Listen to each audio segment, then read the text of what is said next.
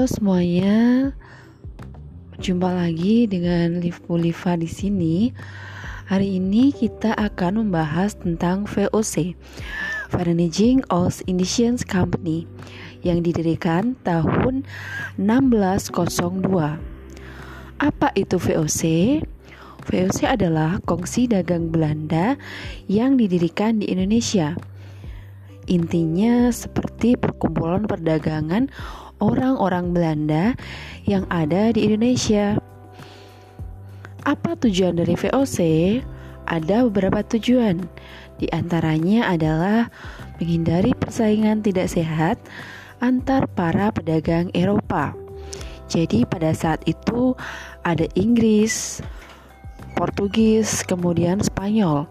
Dan yang paling banyak di sini adalah Belanda sehingga Belanda kemudian memperkuat posisinya dan Indonesia dengan mendirikan sebuah kongsi dagang.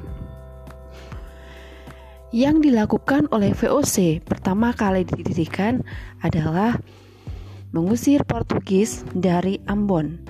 Dia berusaha untuk mengalahkan salah satu saingannya tersebut dan akhirnya ia berhasil. Keberhasilannya ditunjukkan dengan merebut benteng Victoria yang ada di Ambon. VOC pertama kali didirikan di bawah kepemimpinan Dewan 17 yang letaknya ada di Amsterdam. Yaitu kemudian Dewan 17 itu terdiri atas Gubernur Jenderal dan Dewan Hindia. Dewan Hindia ini tugasnya adalah seperti memberikan nasihat kepada gubernur jenderal terkait dengan keputusan-keputusan yang akan diterbitkan.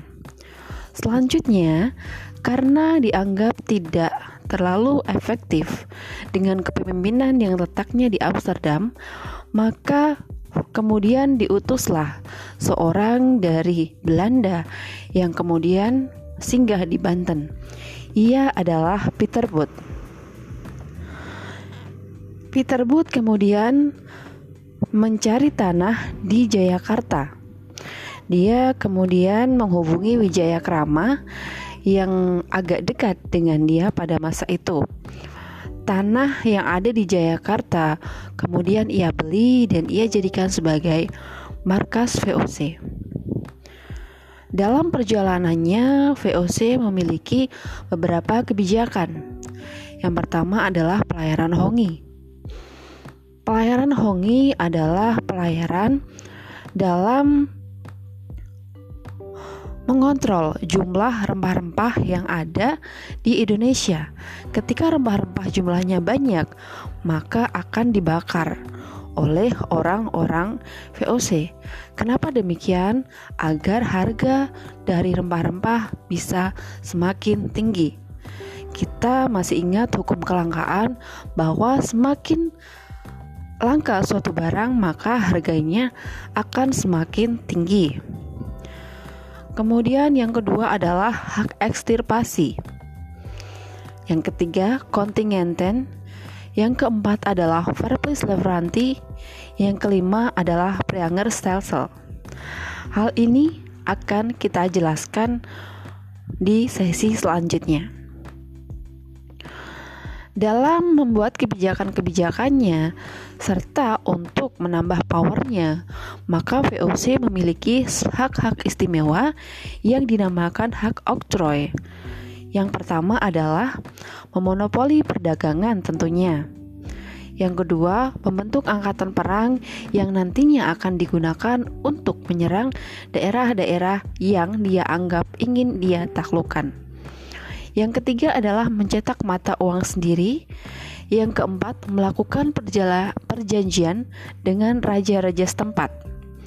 Yang kelima, memerintah di daerah jajahan.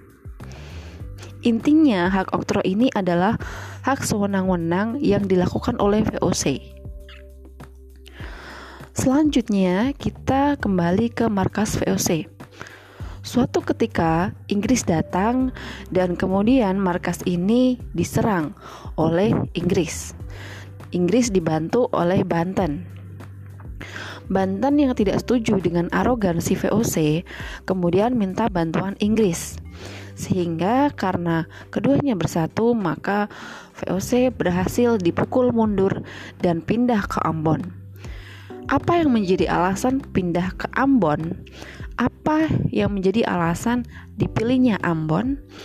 Di antaranya adalah karena dia sudah berhasil mengusir Portugis dari Ambon. Ambon dianggap sudah menjadi wilayah kekuasaannya. Kemudian suatu ketika terjadilah pergantian gubernur jenderal sampai kemudian jatuh pada gubernur jenderal JP Kun. Dia dengan arogansi tingginya dan dengan uh, segala sesuatu yang ia punya, dia kemudian berusaha untuk merebut kembali benteng atau merebut kembali markas VOC yang sempat diduduki oleh Inggris. Kemudian JP Kun membakar kota Jayakarta untuk meninggalkan bekas-bekas masa lalu, lalu digantilah sampai kemudian pada titik yang diberi nama Batavia. Namun, orang-orang pribumi terlalu sulit dalam menggunakan atau melafalkan kata Batavia. Sehingga orang-orang ini atau maksudnya di sini adalah orang-orang pribumi itu menyebutnya dengan nama Betawi. Silahkan coba kalian rasakan ketika penyebutan Batavia, maka orang-orang pribumi menggunakan kata Betawi. Yang akhirnya kita mengenal dengan nama Betawi. Selanjutnya, semakin lama VOC semakin merajalela. Mereka semakin besar, keuntungannya semakin banyak. Namun, itu tidak disertai dengan segala sesuatu yang mendukung mereka supaya mereka tetap bertahan. Banyak di antaranya yang menyebabkan VOC kemudian dibubarkan. Di antaranya adalah korupsi para pejabat para pejabat melakukan korupsi terhadap uang-uang yang dihasilkan oleh VOC.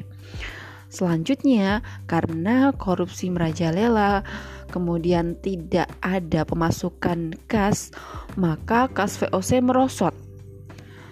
Selain itu, yang menyebabkan kas VOC merosot adalah biaya perang yang semakin tinggi. Dalam menaklukkan daerah-daerah yang dia inginkan, VOC cukup menghabiskan banyak uang.